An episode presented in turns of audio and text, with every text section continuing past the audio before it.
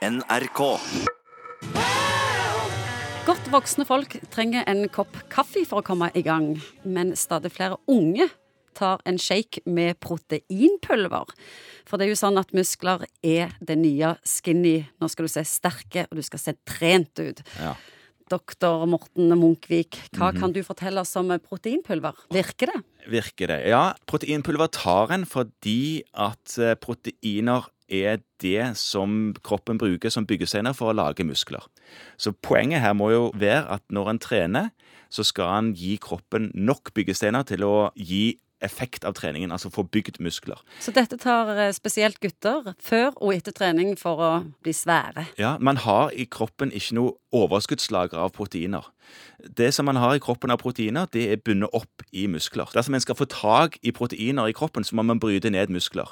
Og Da virker det jo ekstremt bakstreversk å bryte ned muskler for å bygge muskler. Så Derfor er det viktig for en som skal trene og bli sterk, å ha en tilstrekkelig tilførsel av proteiner. Så proteinpulver er en god og fin ting? Det er ikke dumt å bruke dersom eh, du trener målretta og skal bli sterkere og sånne ting, men det er ofte unødvendig. Fordi man får ofte nok proteiner gjennom normalt kosthold. Ja, dere sier alltid det, men så tviler vi litt. Ja, man trenger 1,4 til 1,8 gram protein per kilo kroppsvekt per dag. Og Hvis du regner på det og er en kvinne, så trenger du sånn ca. 80 gram. Hvis du veier 60 kilo, er du mann som veier 80 kilo, cirka, så trenger du ca. 125 eller sånt, gram protein i løpet av en dag. Det du inntar av protein utover den mengden der, det kan du ikke lagre i kroppen som reserveprotein, så det tisser du ut. Så dersom du spiser mer protein enn det, f.eks.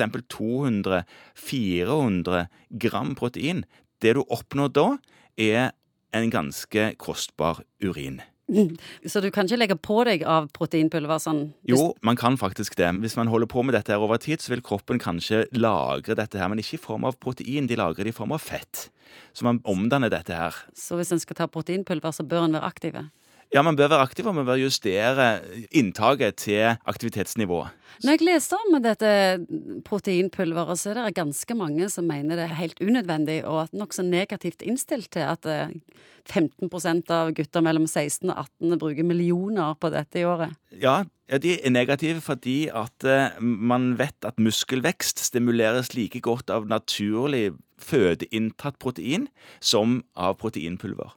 Det man kan være oppmerksom på dersom man ikke ønsker å bruke proteinpulver, det er at man spiser mat som har gode kilder til det som vi kaller essensielle aminosyrer. De aminosyrene som kroppen Aminosyrer er byggesteinene i proteiner.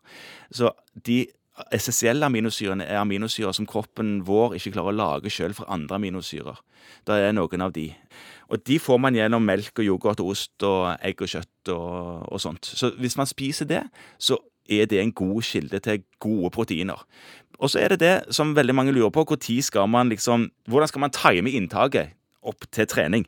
Og Man bør spise proteiner en time eller to før trening, og innen en halv time etter at treningen er avslutta.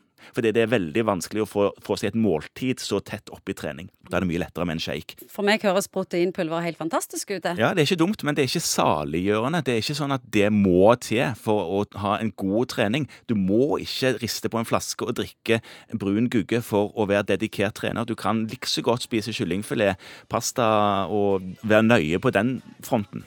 Du trener jo mye sjøl. Ja. Bruker du proteinpulver? Nei, jeg gjør ikke det, faktisk. Jeg har tenkt på det, men jeg har aldri kommet i gang, faktisk. Help me